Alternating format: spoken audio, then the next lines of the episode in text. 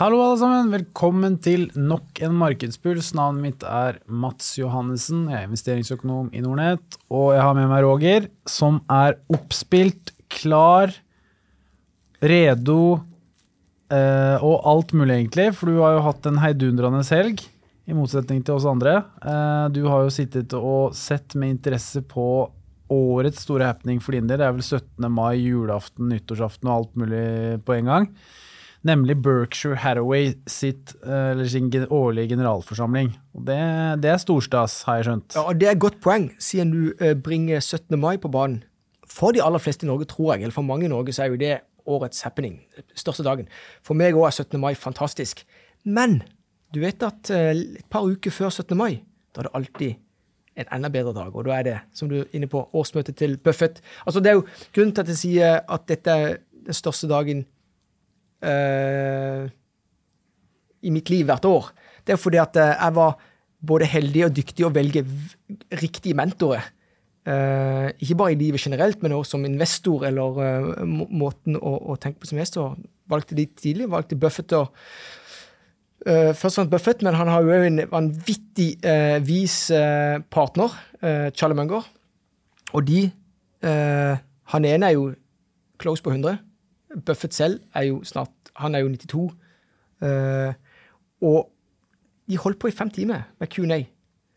Og den, du, du, kan ikke, du, kan nesten ikke merke, merke på dem at de faktisk er en av Altså, de er langt over gjennomsnittsalderen, begge to.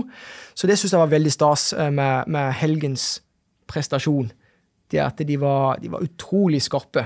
Ikke bare i absolutte termer, men også i relative termer. Mm. Det er kult.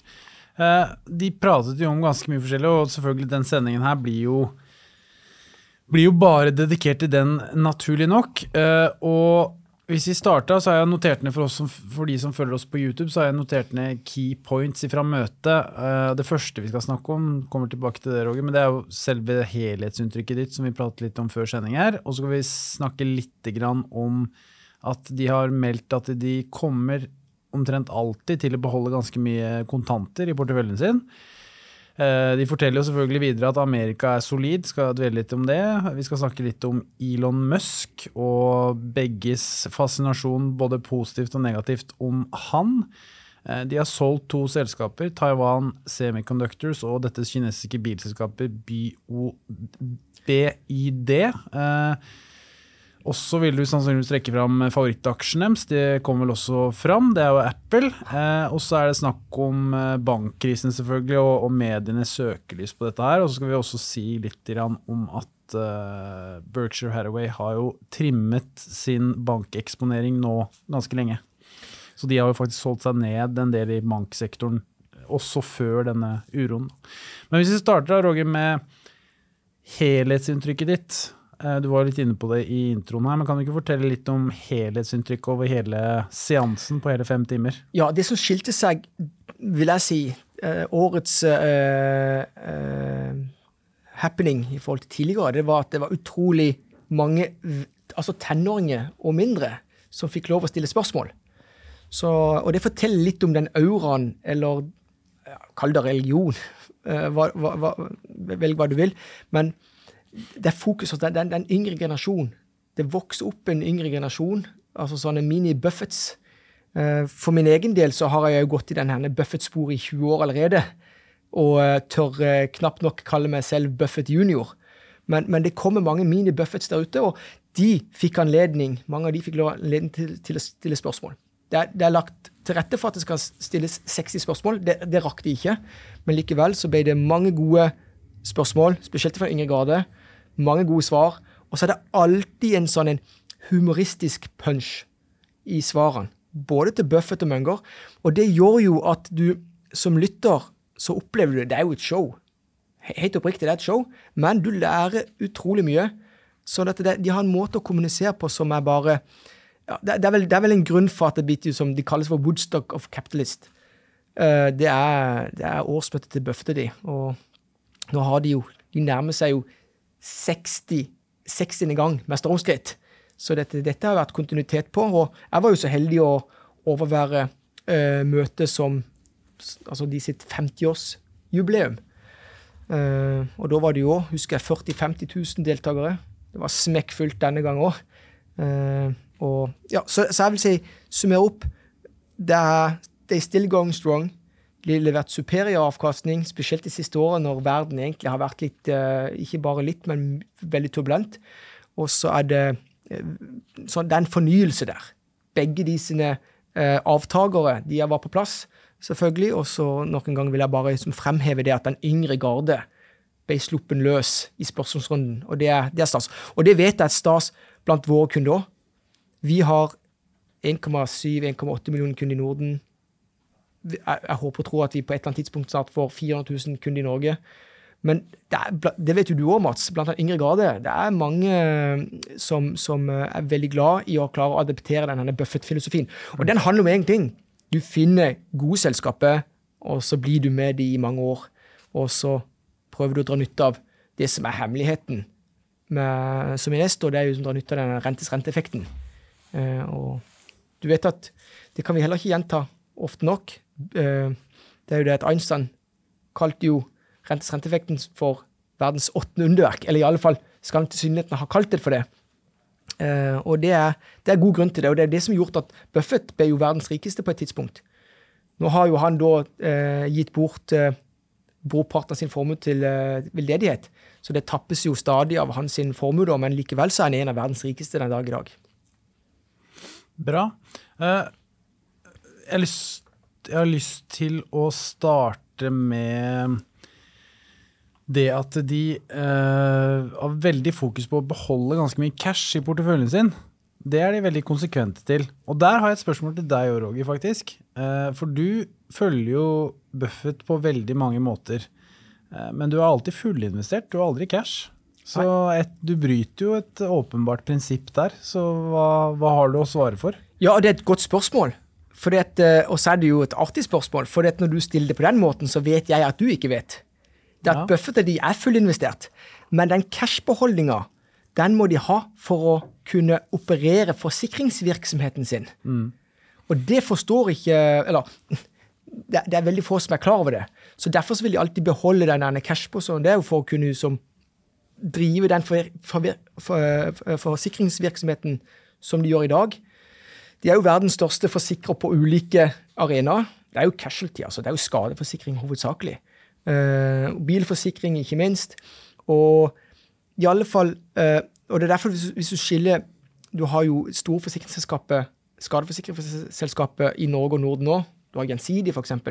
Men for at Buffett de skal jo som investere denne her floaten sin i Apple-aksje, eller Bank of America-aksje, eller ja, børsnoterte selskaper, uh, så må de òg ha Uh, for å få det til, så må de òg veldig mye cash bak. Så, så, så, folk tror at Buffett sitter med cash uh, fordi at ikke klarer å finne noen investeringscase. Men det er litt sånn som Buffett har rigga selskapet de siste årene. At de ønsker som å kunne ekspandere denne forsikringsvirksomheten, som til syvende og sist det er, det er, det er ryggmargen. Altså det er stammen i Berkshire-systemet. Det er forsikringsvirksomheten. Så ja, så Buffett og de vil jeg jo bare si det at de er egentlig fullinvestert til hver tid. Og det har vel Buffett også sagt, er det at for hans del så er jo 99, 99 av hans formue den er jo i, Berkshire-aksjer. Så han er virkelig fullinvestert. Og så er det jo en, en artig ting at han òg han eier ett hus som han kjøpte back in days. Har ikke bytta det ut. Og det er jo mye sånn Buffett-filosofi i det. Det er jo det jeg liker best med Buffett. Det er ikke at han har blitt verdens rikeste eller investor, eller verdens beste investor, men det er bare at han klarer som å kombinere det og tilegne seg rikdom og bli godt likt, leve et liv hvor han Jeg, jeg er usikker på om han har noen uvenner, rett og slett. Uh, og det er jo måten å oppføre seg på i det du også vokser opp. Så det er jo en uh, I mitt vedkommende er en uh, han er legendarisk. Men han er legendarisk fordi han har vært god til å lære andre. Det er jo det han har gjort. Han har jo bare vært en copycat. Han har jo sånn fått, eller valgt ut noen gode forbilder. Det er jo det han gir råd til andre òg. Finn, finn, de beste forbildene der ute. Normalt skal du finne det iblant dine nærmeste, men det er ikke det du skal gjøre i dag. I dag som, har du tilgang på alle forbildene i verden. måten, altså, Du kan studere de opp og ned i mente, enten gjennom bøker eller gjennom Ja, hva, hva, det måtte være. Så, så, internett har jo gjort det mye enklere å, å gå i dette Buffett-sporet. For du, du, kan få Du kan liksom bli lært opp av de, de du måtte ønske, uh, rett og slett. Bra. Uh, de snakket vel også litt De er jo ikke sånn veldig politiske, men de snakket jo litt, og det har de gjort over flere møter nå, har jeg fått med meg også, det er at de er veldig bull på Amerika. Eh, med rette, selvfølgelig, men de sa vel veldig klart igjen nå at eh, det var ikke noen bekymring for eh, Amerika, og fremtiden så lys ut. Ja, og det er at de alltid snakka om det American tailwind. Og så har de jo òg tidligere sagt, eller mange anledninger sagt, at det er, det er, å, vinne lott, det er å vinne i Lotto og bli født og oppvokst i USA. For der kan du i utgangspunktet bli det du vil. Forholdene for å utvikle seg er, er bare gigantisk i USA. Så, og så er det jo sånn innovasjons, det betyr at da får du innovasjonskraft, du får en, en industri, du får en, en, en businessdel som, som, eh, ja, kan kapre eller uh, erobre det globale markedene. Og uh, Derfor så vil jeg alltid si det at ja, USA det er jo som hovedinvesteringene sine er jo i amerikanske selskaper. Jeg vil si at Buffett eller Berkshire-systemet er jo noen proxy på amerikansk økonomi. Jeg, vil, jeg tror det er den største enkeltskattyteren ja. til, eh, til uh, amerikanske staten i dag. Og Buffett sa vel selv i, nylig at uh, hadde det vært 1000 Berkshire Hathaway i USA, så hadde ingen andre trengt å betale skatt.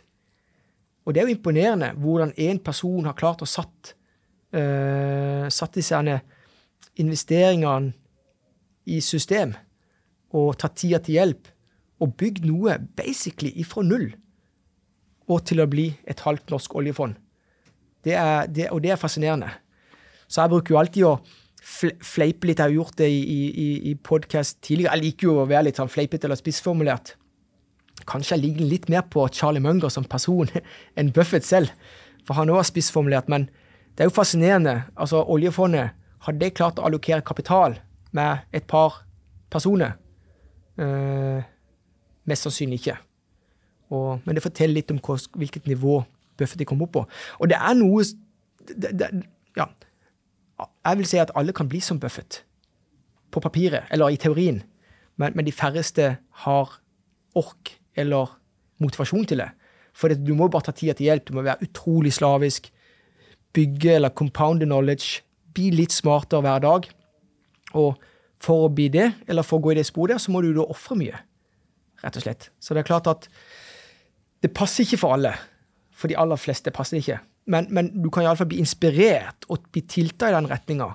Og det synes jeg, det er iallfall det jeg prøver, øh, prøver og det føler jeg du òg gjør. altså Når vi snakker til kunder eller lyttere i, i, i poden, så det er jo mantraet vårt. Er røde tråden. Det er læring. Bli den beste investoren du kan tenke deg å bli ta tida til hjelp. Og da er det å lære av de beste.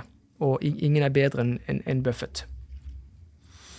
Ja, det er bra det, Roger. Men du, hvis vi går litt inn på Du snakket om at Buffett sannsynligvis ikke har noen uvenner. Eh, men det har kanskje hans partner Charlie Munger, og de, en av de er kanskje Elon Musk, jeg vet ikke. Men eh, de hadde vel en liten seanse om han også. Buffett er vel ganske inspirert, og så er vel han Charlie Munger jeg vet ikke om han er mindre imponert, men han er kanskje litt sånn kritisk? Ja, altså, altså Charlie Munger han sier jo det at Elon Musk altså han er, han, Elon Musk overvurderer seg selv. Mm. Uh, det er sånn person han er. Kanskje han har gjort det hele livet. Uh, fra mitt ståsted jeg synes det er jo en artig, det er jo en artig innfallsvinkel til uh, Elon Musk. Det er jo å si det at han overestimerer seg sjøl. Men kanskje ligger hans personlighet at han gjør det. Uh, og, og, og, men så har det Han har reflektert, iallfall hvis du har fulgt uttalelse eller intervjuet i nyere tid, så har jo Munger reflektert litt mer rundt, rundt, den påstanden enn det han ga uttrykk for nå i, uh, i helgens, uh, på helgens møte. Det er det at, at Charlie Munger har blitt lært opp av noen til til å være Du skal være Du skal ikke undervurdere folk som overvurderer seg selv. det, det er sant, så dette, Han blir jo møtt litt selv i, eh, møtt selv i døra der, Charlie Munger, mener jeg, da. At han skal ikke være så kritisk til, til Elon Musk, for han har jo fått til enormt mye. Og det er jo det Buffett selv fremhever. Så Buffett skryter veldig av, og gjorde det i helga, av Elon Musk. Og han sa det at verken meg eller Munger har eh, planer om å konkurrere med Elon Musk.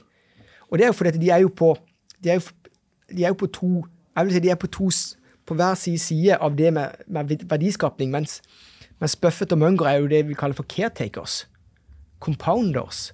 Mens eh, Elon Musk er jo en som, som utvikler og bygger og transformerer faktisk hele økonomien. Sånn at de er jo på, på hver sin planet, vil jeg si. Og begge er like viktige for å ivareta og, og, og bygge i alle fall, Det ene er jo et landsøkonomi mer robust, men òg si, verdensøkonomien mer, mer robust. Mm. For det Elon Musk har fått til med Tesla, det er, det er intet uh, mindre enn uh, imponerende. Og det ga vel egentlig Buffett uh, uttrykk for. Så, så, Buffett er nok opptatt av, av det å ikke skaffe seg så mange fiender. Og det er noe som han har dratt med seg fra barndommen av. Han og dette, nå, er det, nå, er vi jo litt utenfor uh, helgens uh, arrangement, men jeg bare prøver som å trekke litt tråden. Hvorfor er det uh, Buffett snakker på denne måten i en alder av 92 år? Det er, han var kanskje en liten sånn bølle på skolen. ikke den beste på skolen, men han satte seg jo mål. Og han var redd for å tale i forsamlinger. Men det som snudde livet til Buffett opp ned, Eh, det var jo at han tok sånn kurs med, for Dale, Del, Carnegie. Og eh, det, det, snudde, det, snudde, opp livet til Buffett opp ned. Og det har jo han så han har skrytt av deler. ikke skrytt av, han har påpekt det, at det var veldig, veldig viktig for han, eh, hva han har lært av, av eh, Dale Carnegie. Eh, og da er det vel en bok som han fremhever, det, det er 'Hvordan vinne venner', heter han på norsk. Uh, og, og er, det er en bok som jeg selvfølgelig Jeg, jeg leser jo med jevne mellomrom sånne bøker som Buffett selv har lest, som har tilta han i en bestemt retning. Og da vet du det at hvis alle som går og gjør akkurat det samme, så vil de òg tilta i den samme retninga. Så, så, mitt mål òg er det at uh, før du dør, så skal du ikke ha noen, venn, noen fiende for mitt vedkommende så, så kompenserer meg. Jeg har ikke så mange venner. så dette, du safer deg ganske greit? Så jeg safer meg ganske ja, Men det er litt viktig å ha det i, uh, i, uh, i bakhodet. Uh, for det at Og dette er noe som sitert ifra, ifra helgens møte, så sa han det er Buffett sa det at jeg kjenner mange som dør uten venner. Og da vet du hvorfor jeg ofte sier det, Mats. Både i studio og på kontoret og i mange sammenhenger så bruk livet fornuftig. Sant? Ene, på ene sida så må du stagge grådigheten i deg. På den andre sida så må du stagge misunnelsen i deg. Klarer du ikke å stagge grådigheten i deg, så vil du dø alene. Og Det er jo det Buffett fremhever akkurat her. Misunnelse er kanskje enda drøyere. Uh, og da har jeg prøvd å, å, å lage mitt eget uh, uttrykk. Klarer du ikke å stagge misunnelsen i deg, Mats, i løpet av livet? Den siste du snakker med før du dør, vet du hvem det er? Det er demonen i hodet ditt. Sånn at klarer du da å styre klar av det i løpet av eh, et langt liv, så tror jeg livet vil både rikt i uh, å si, så, sånn vennskapsmessig, uh, og så tror jeg òg du vil bli en god investor. For det at en god investor blir du Den som forvalter sitt eget liv bra, blir vil òg forvalte formuen bra.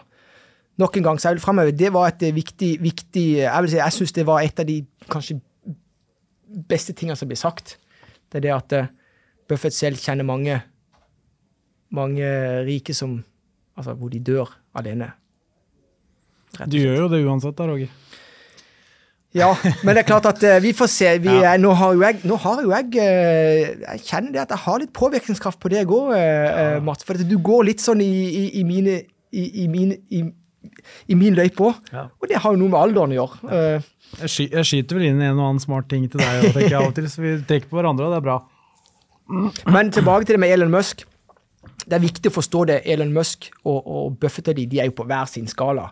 Og begge er jo i ettertiden så, så ligger det i kortene begge vil jo bli oppfatta som, som, som, legende. De vil jo få legendestatus. Mm. Uh, mens, mens Charlie Munger er jo han er litt, litt skeptisk, da, vel å merke. Ja. Bra. Uh, du kan snakke litt om porteføljen spesifikt. da. Uh, det jeg fikk med, i hvert fall var at dette Taiwan Semiconductors og BYD, altså elbilselskapet, ble, er mer eller mindre solgt ut siden uh, sist rapportering. Mye av grunnen til Taiwan Semiconductors ble solgt, var vel pga. politisk risiko, rett og slett. Hadde det samme selskapet hatt uh, hovedkontor i USA, så hadde de vært en av de større investorene, sa de vel.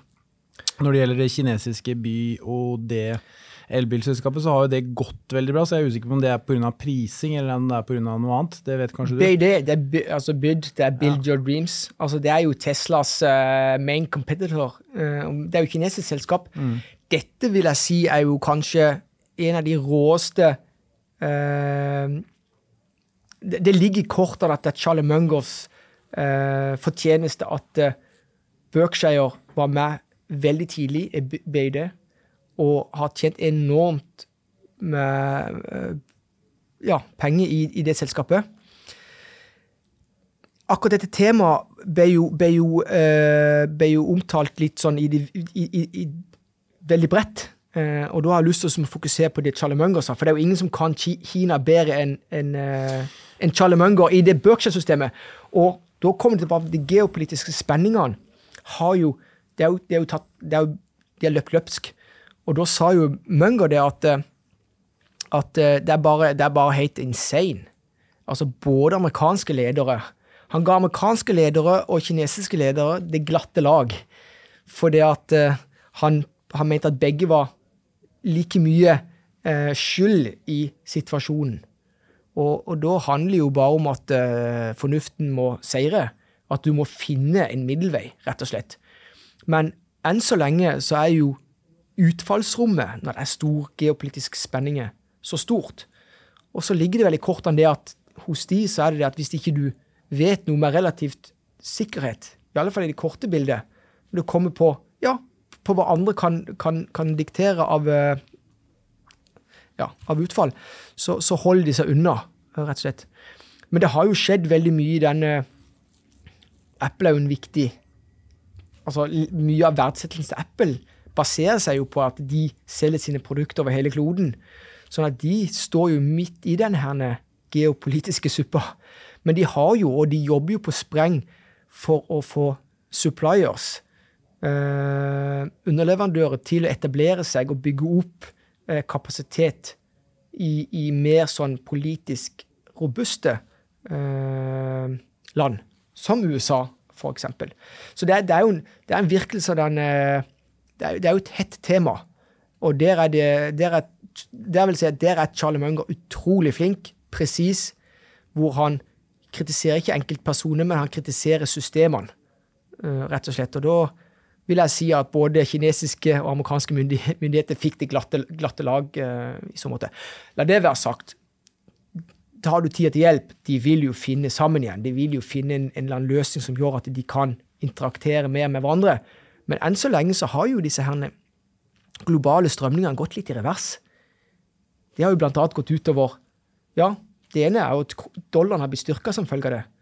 Men ikke bare blitt styrka, men jeg tror en del andre land, deriblant Norge, har uh, bitt litt skydd unna i, i, sånne perioder. Det gjør at vi har svak Krona er svak, og vi importerer mye, så dette det er jo det er ingen vinn-vinn.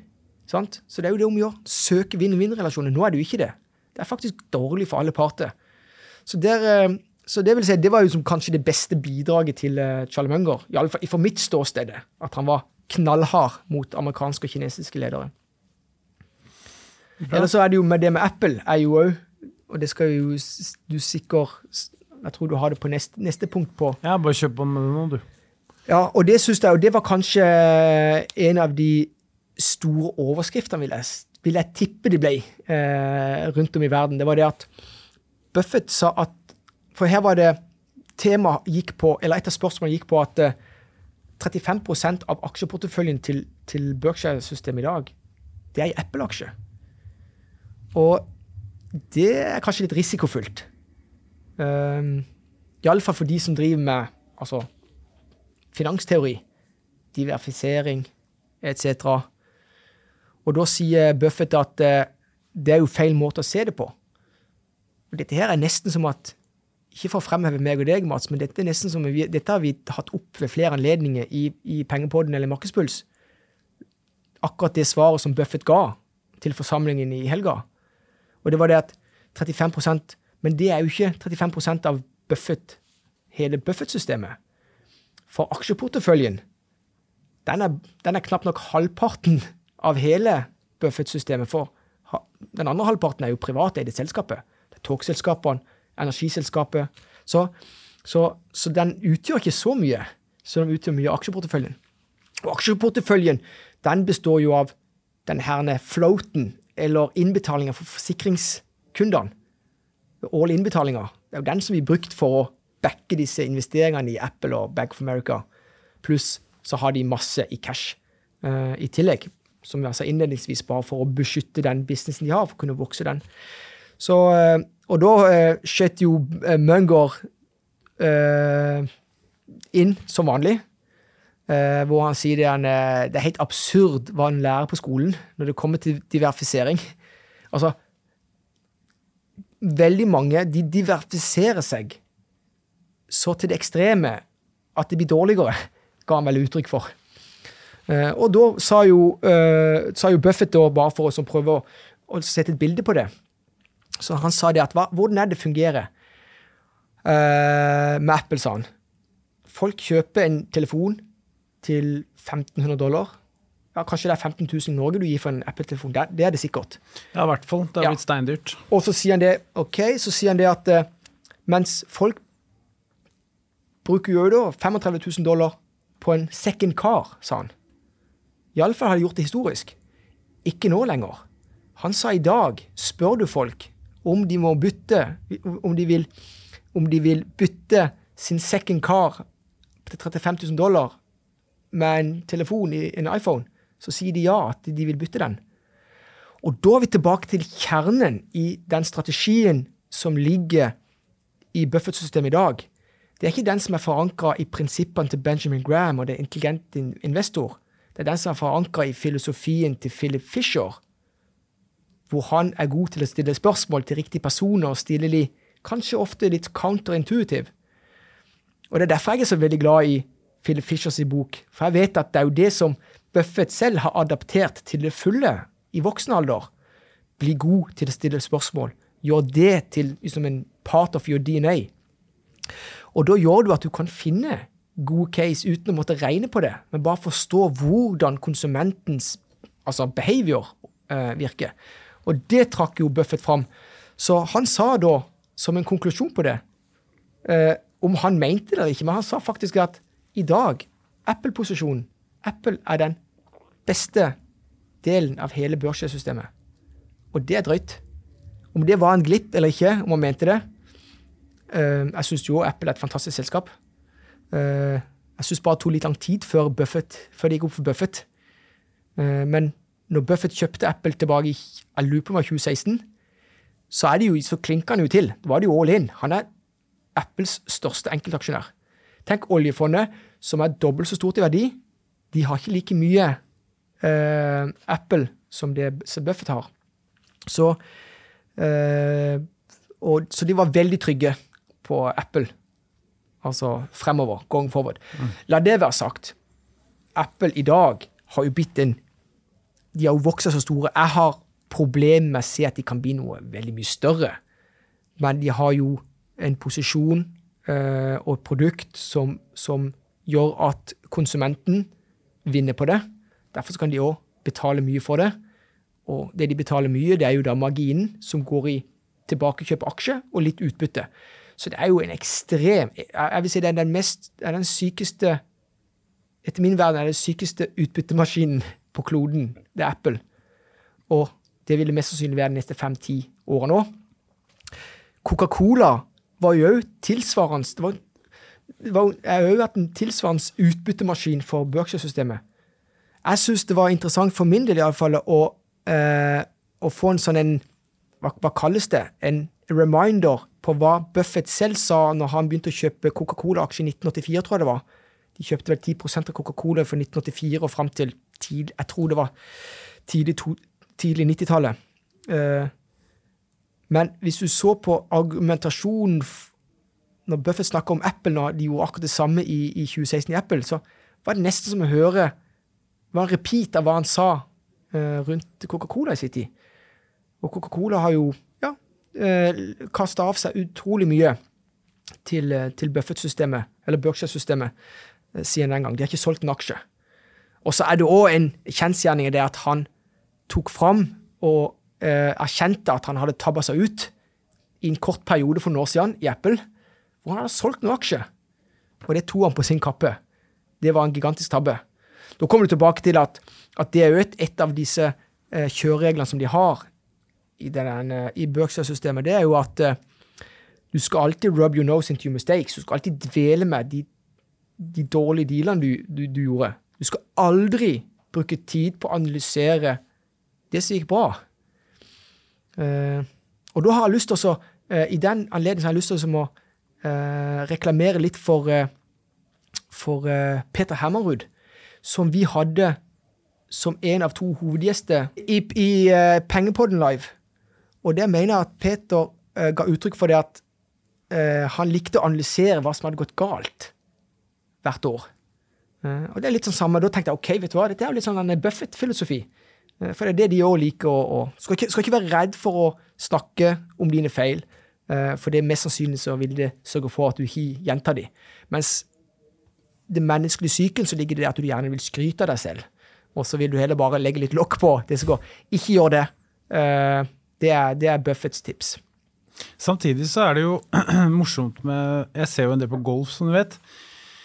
Og han Viktor Hovland har ikke gjort det spesielt bra nå den siste tida. Eh, spesielt på fjerderunden i disse konkurransene. Det er golfrunde fra torsdag til fredag. Og siste runden har han gjort veldig dårlig, da. Men han er veldig flink på å alltid nevne det som er bra, da. Han, og det har, har han sagt i hvert fall, har hjulpet han. Nå er det jo stor forskjell på business og viktige ting, holdt jeg på å si, og idrett. Men, men det er også litt interessant det at jeg er enig i på en måte at du må dvele med dine feil, eh, men jeg tror også det er smart å hva skal jeg til å si, reflektere litt over at ja, jeg har gjort en del riktig for selvsikkerheten og selvfølelsen din, da, for å på en måte da også takle bedre motgang og kunne reflektere bedre på at ja, der gjorde jeg faktisk en feil. Da. Så en liten sånn kombinasjon der. Jeg er helt enig med at det er viktig å, å, fokusere mest på sine feil, men jeg tror også det er på et vis smart å reflektere også over at du har gjort mye bra også, da, for å liksom få den der kombinasjonen, og så finner du en løsning midt imellom. Ja, men til syvende og sist vil jeg anta at nøkkelen til suksessen til, uh, til Hovland Vi har jo suksess på tennisbanen i Norge. Vi har suksess på fotballbanen med Haaland og Ødegaard. Vi har suksess med uh, han eh, Carlsen. Sjakk, ja. Og jeg vil tippe at de har noen ting til felles med Buffett. Og det er at de er ekstremt dedikerte til sin interesse. De har funnet, de har funnet det de er interessert i. Så har de satt i system, bygd en struktur rundt det. Så for å komme, for å komme opp på det nivået, så vil jeg tippe at den, det systemet, å kunne opprettholde det, er alfa og mega, men du må ha struktur, du må jo ha et nettverk, du må ha en, en, en mur rundt deg som blir litt større. Sant? For det, det, det, nytter ikke det at det er så mange detaljer Iallfall vil jeg tippe når det kommer til idrett, så er det så mange detaljer som skal være top notch for at du blir top notch. Uh, så, så, så, Men i alle fall eh, Akkurat på den filosofien så vil jeg bare fremheve noe som Buffett de har sagt, og det er jo i stikk i strid med Hovland. Og det kan godt være at at, at, begge fungerer. Mest sannsynlig fungerer begge, eh, begge, ting. Men jeg tror jo at hvis begge ting fungerer, så er det fordi at disse har kommet på et nivå som er hinsides alt og alle, fordi at de har satt ting i system, bygd struktur rundt det. Eh, og du sier jo det at eh, det, er, det, er ikke rart å si, det er alltid noen som har veldig flaks. Haaland treffer, treffer mål oftere enn de fleste. Men det er ikke flaks. Det er jo fordi at han har gjort jobben som kreves for å være på rett sted til rett tid. Og eh, når det kommer til investeringer, så er det i alle fall én ting som er nøkkelen. Det er det å ikke tabbe seg ut. Skal du dra nytte av den rentes renteeffekten, så kan du ikke gå i null. Og det, det er ikke jeg redd for å si det at Og jeg syns det er litt sånn det er litt fascinerende ettertid å se på Kjell Inge Røkke, som har vært nede i knestående et par ganger. Tenk hvis ikke han hadde vært det. Han, han kunne jo vært på Buffett-nivå, altså. Mm. Fordi at han har hele tiden måttet bygge seg opp på nytt. Men tenk hvis ikke han har gjort det. Så, så, så eh, så det er, det er, viktig å ta lærdom av det. Så er det vel litt på personlighetstyper òg. For det er klart, du kan jo nevne flere. Der. Du kan jo si han Petter Stordalen nå. nå altså Han er jo rik, han. Også om det er på gjeld eller om det er på formue, det er jo ikke alltid like godt å si. Men si Røkke, som du sier, så er jo kanskje noe av personlighetstypen i forhold til Buffett da, at han er nok litt mer alt eller ingenting. Noe som gjør at du går for det, og hvis du da får suksess, så får du virkelig suksess, og så får du da den enorme smellen som du gjør når du da går all in og du taper, da, for å si det på den måten. Så det er jo sannsynligvis også litt på mentaliteten din, og det tror jeg er viktig å nevne som en investor. At du må Det viktigste av alt som investor, glem alt regning, strategi, alt men det er å kjenne seg selv. Eh, på hva er du komfortabel med, hva liker du? Du er en langsiktig type og har funnet din vei med, med Buffett osv., mens noen andre kan være mye mer interessert i, kall det det matematisk, og være mye mer bekymra for prisingen og, og, selger ting når de mener det er for dyrt osv. Hvis det er en strategi du klarer å, å, sette i system, og det er den som passer deg best, så syns jeg det er bra at man følger det, at man alle er forskjellige. og Det er jo litt av grunnen til at vi har et velfungerende kapitalmarked også, for du har ulike meninger hele tiden. ikke sant? Hvis én kjøper en aksje, så mener jo han eller hun at den er undervurdert. Hvis én selger en aksje, så mener jo han eller hun at den er overvurdert. Og da har du hele tiden det spillet der, da, som er en, en bra ting. At man har flere ulike eh, måter å se verden på. Da. Jeg ser verden på en vidt forskjellig måte gjennom mine øyne kontra hva du gjør, f.eks. Og sånn gjelder det alle andre også. Eh, så jeg tror jo på mange måter at det viktigste, og det er jo for så vidt også Buffett og Munger på sett og vis også fanebærer for, at du må eh, være tro mot deg selv og hvordan du er, og være ærlig overfor deg selv hvordan du er, og det vil jo da få svaret på i aksjemarkedet, da, for å si det på den måten. Ja. Finn din stil. Ja, du er inne på det, og, det, og da er kanskje nøkkelen ligger jo på å ja, nettopp finne sin stil, men for å finne sin stil så må du vite hvem du er. Mm. Eh, kanskje studere og analysere din egen, din egen, personlighetstype. For på godt og vondt så har vi både styrke og svakheter. Jeg vet jo at han eh, tidligere, altså suksesstreneren eh, i, Rosenborg, Nils Arne Eggen, han hadde jo, han hadde jo en veldig altså Filosofien hans sin var jo en vinnende filosofi. Altså Det var ekstremt fokus på å maksimere styrkene dine. Eh, og i hans sin måte å styre et fotballag på, det var jo som i, i angrep. Sant? Skårer du bare nok, nok, mål, så øker jo sjansen for at du vinner kampen. Så, så det er bare å maksimere dine styrker. Og, men til syvende og sist så handler livet om én ting. Det er det at du må oppføre deg. Du må hele tida bli en bedre versjon av deg sjøl. Og det er jo det Charlie Munger han bruker å si det sånn billedlig. Det er jo ikke noe problem, du skal bare vite hvor du skal dø, og ikke gå dit. Uh, så, men de er iallfall opptatt av dette her, altså det nøkkelbegrepet integritet. Vi har jo ikke brukt det ennå, men det er jo et nøkkelbegrep i, uh, i denne Buffett-filosofien. Integritet trumfer absolutt alt. Mange tror at intelligens og energinivå trumfer absolutt alt. Nei, det gjør det ikke. For hvis ikke du har integritet, Mats, hva er det som mest sannsynlig skjer da? Nei, du er avhengig av å samhandle med folk for å få til ting, da. Så det er jo det er klart du. at det er viktig at eh, folk stoler på deg. Ja, helt klart. Så, ja. Ja, Hvis vi skal begynne å nærme oss en, en runding, Roger. Vi kunne sikkert ha sittet i flere timer her og dvelt med nyanser osv., men vi prøver å ta det sånn relativt kortfattet. Kort, uh, han var jo inne på, eller De snakket jo naturlig nok også om uh, dette med bankkrisen og alt dette som har vært oppe i mediene det siste kvartalet. Og Der forsto jeg det som at det hadde vært en del kritikk også av mediene at uh, spesielt Munger, vil jeg tro, da, uh, var uh, veldig ute og ja, sa sin mening om, kall det, mediebildet rundt disse krisene som man har sett i USA. Det var morsomt, for de hadde forberedt selvfølgelig, visste at de fikk spørsmål knytta til bankkrisen. Og da hadde de forberedt to skilt. Ett skilt som sto foran Buffett, som ble snudd. Der sto det 'for sale'. Mm -hmm. og så foran Charlie Munger på 99, nesten 100, sto det 'held to uh, maturity. Ja. så de, er utrolig, de er utrolig morsomme. Mm. Og det er derfor Du spurte jo meg før sending tar du notater, Roger, når du sitter og hører på det. Mest sannsynlig at tar litt notater, men du trenger ikke. Det, det jeg gjør mest av mens jeg ser på dette, det er jo å spise chips og dipp. Drikke Coca-Cola, de hiver innpå det karamell og det ene og det andre. Men du skal kose deg, for det er billig, det er et show. Apropos show, det er jo det som jeg har en langsiktig eh, ønske om at det meg og Alex Rosén skal få til. Vi har jo begynt så vidt med en sånn aksjeshow. Det, det, det er jo, det er jo det, Dette er jo gigantisk aksjeshow. eh, som, som, er, som er verdig å ha popkorn og brus. Eller øl, eller hva det måtte være, eh, til siden av. For det er så mange læringspunkter. Du, så du trenger ikke ta notatet. For de er, de er så spissformulerte og morsomme. Jeg kan jo bare ta, som jeg kanskje burde tatt innledningen. Det var jo Coronation Day på lørdag, var det ikke det? Med, i, i, uh, I England. Ja, jo, det er jo sånn kroningsdag. Ja, Kroningsdag. Stemmer, stemmer det. stemmer det. Og da sa, da sa vel Buffett det at eh, de hadde, litt sånn, de hadde, de hadde konkurrerende TV-sending i dag, for da var det kroning. Ja, Men her, skjønner du, det er jo hovedsendinga, for vi har jo kong Cha Charlie. ja. For han heter jo Charles. Charles. Thomas Munger heter han. Og det var jo litt sånn artig. Uh, så får vi se. Eh, dette er jo i min verden. Jeg stiller bare spørsmål. Jeg, det, jeg elsker å stille spørsmål.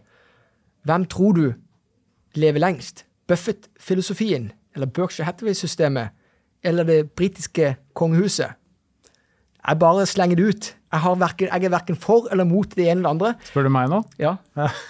Jeg, jeg, er nøytral til det spørsmålet. Ja, nei, jeg har ikke noen spesielle meninger om det heller, men jeg England er jo et land av tradisjoner, da. Eh, Så det skulle ikke forundre meg om det bare humper og går videre der. Eh, Det er klart at det er jo vært mye, og han Charles, så vidt jeg forsto, nå har jeg ikke sett mye på det i helgen, men jeg forsto det sånn at han er jo en litt annen versjon enn det hans mor var, som var veldig utilgjengelig og veldig lite sånn folkelig, da. Eh, Mens han er nok mye mer folkelig, så det kan være at de prøver å fornye seg litt. Det har man kanskje sett i det norske kongehuset også, at der har det selvfølgelig vært mye mer folkelighet hele tiden, da, men han, eh, kong Harald og hun dronning Sonja har liksom dratt det kanskje ett steg videre, og så kan det være at han Håkon Magnus og hun Mette-Marit drar det enda videre, i hvert fall han Håkon Magnus, da. Eh, drar det enda et steg videre, for alt jeg vet. Eh, og det ser man jo kanskje gjennom mediene, at han sykler rundt og holder på og surrer rundt hele tida og er med på alle aksjoner og Så det er jo sånn Jeg vet ikke. Det er, Jo, men altså, det er jo et si? svar som står til terningkast seks. Ja. Du brukte begrepet fornyelse. Mm. Du vet at hva Darwin sa. altså det er jo den, altså Hvem er det som overlever? Du må være dynamisk. Du må evne til å tilpasse deg.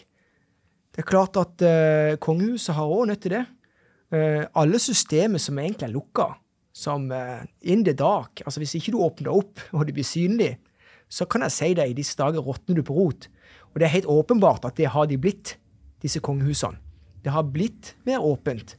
Og, og det tror jeg eh, den dronningen var i sin tid. Hun åpna opp uh, mye mer. Og i denne Buffett-verdenen òg, så kan du si der er det òg mye som er relativt lukka, for de eier så mye privat. Men, men eh, de er helt åpenbart klar over uh, hva som må til for å overleve seg selv. Det er det at du må hele tida ha en kultur, filosofi, bygget for fornyelse. Så eh, Eller så har jeg, nødt til å skyte inn det at min store lidenskap utenom børs og finans og tjo og hei, det er jo Formel 1. Og eh, i år Buffett og de, de eier jo Kanskje ikke så mange som er klar over det, men Duracell de eier jo det privat. Eh, og Duracell er hovedsponsor til Williams FN-team. Så de hadde jo en Williams-bil, Formel 1-bil. Ah, Så dette, hvem skulle trodd at plutselig så har eh, Buffett fått Kunne ikke bli bedre. tydeligvis samme interesse som eh, Buffett junior. ja, ikke sant? Kunne ikke bli bedre. Ja. Du vet, Jeg er litt som Elon Musk. Jeg har litt overdreven tro på meg egne ferdigheter, men jeg, har, men, men jeg liker det. Mm. Men i alle fall syns jeg det var artig poeng med at det var en uh, Formel 1-bil i, uh, i lobbyen i uh, Omaha denne gangen. Hvis vi skal bare dvele litt mer om den bankkrisen, Roger, så uh, forsto jeg det sånn også at eh, Berkshire Hathaway-systemet har solgt seg ned ganske gradvis i, altså i sin bankeksponering eh, over tid nå. Hadde de noen kommentarer til det? Ja, definitivt. Ja, De sa rett ut. Altså For det første så var det det læringspunktet så var det det at det ble jo dvelt med som eh, dollaren som, som reserve currency, altså verdensvalutaen. Den er jo ikke at stake i dag. Eh, skulle den tas over av sånn tokens eller kryptovaluta, det er jo helt Det sier seg sjøl. Det, det, det, vil ikke, det vil ikke skje. Men de sa det at det å trykke penger, penger, penger hele tida, altså hvis du trykker mer penger enn det som er sustainable for økonomi, økonomien, så går ikke det heller. Nå er jo sentralbanken i ferd med å reversere all denne pengetrykkinga. Men likevel så er det jo enormt mye penger i sirkulasjon. Dollar i sirkulasjon. Det var et tall som han hadde fulgt opp gjennom ifra Tidenes morgen. Ja, tidenes morgen. Så han mm. syntes det var interessant at uh, cash is not trash this time. For det var det mange som ga uttrykk for i media. Ja, Ray Dalio, blant annet. I 2008 og 2007-2008. Mm. Uh, og så tok han opp det der at pengesystemet, altså hvordan det fungerer Han sa det at tilsynelatende det, er det er veldig få som egentlig eller, Det er mange som ikke vet hvordan det fungerer. Og hvis da media er med på å bidra til usikkerhet på, det, på folks opp, opp, opp, av det, ja, så blir det galt. Og så sa han det at uh, når du vil være investor i banker, så, så, uh, så er du litt prisgitt uh, events som kommer. Helt klart så har de solgt seg ned i bank i det siste, men de er jo storaksjonær i, i Bank of America. Men som han sa, vi vet ikke hva hvilken retning det tar hvis systemet eh, kommer ut av kontroll. Han, så, han, så, der var de litt sånn skarpe. Ikke på enkeltpersoner, men de var skarpe på, på hva, hva, skal jeg si, på kategorien eller systemet. Ja. Mm. Og, og der må vi alle gjøre en jobb for å bidra. Husk på, betalinger altså Når det kommer til det, så handler det jo om alt om tillit. Det er jo tillitsbasert. Stoler du på at når du gir en vare, at du får tilbake den verdien. Altså, så, så, så, her var det, her var det litt, litt, kritikk av eh, både politikere og, eh, og, eh, og media. Forståelse av hvordan pengesystemet fungerer. Men ja, så de hadde solgt seg ned, men nok en gang, de er jo tungt investert i, uh, i bank og finans. alt, er, alt er relativt. Alt, alt er relativt, ja. Mm. Ja, Roger, jeg tror kanskje vi begynner å nærme oss uh, runding her nå. Men uh, sånn, som en sånn siste uh, del, er det noe du har på tunga som vi ikke har snakket om? Nei, det er klart at det er viktig å runde av når det nærmer seg en time, for at folk skal henge med. for å runde av, så mener jeg at du skal summere opp eventet på best, kortest og best mulig måte. Og det er det at det er jo et show. Det er enormt med læringspunkter. Det er bare læringspunkter. Uh, mye spissformuleringer. Og at denne gangen så var det den yngre delen av investorene i Berkshire-systemet som fikk lov å stille spørsmål. Og når jeg snakker med yngre delen, så er det tenåringer og mindre. Og det syns jeg er litt artig. Uh, at de får lov å komme med inputs. Og Buffett og Munger svarte ja, de smarte som de alltid gjorde. Stødig og morsomt. Så det er det som jeg sitter, sitter igjen med. Og så syns jeg det var artig det med at uh, fremheve Apple som virkelig rosinen i pølsa i Berkshire-systemet uh, i dag. Bra, Roger. Tusen hjertelig takk for at uh, du hørte på. Så prates vi igjen, uh, eller vi, prater, vi prates, Roger. Og så høres og ses vi igjen neste uke. Ha det bra.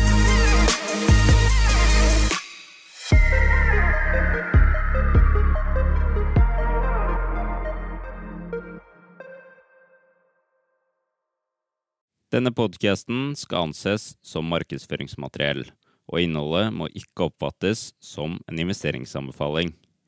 Podkasten er kun ment til inspirasjon og informasjonsformål. Nornett tar ikke ansvar for eventuelle tap som måtte oppstå ved bruk av informasjonen i denne podkasten. Les mer på disclaimer på nordnett.no.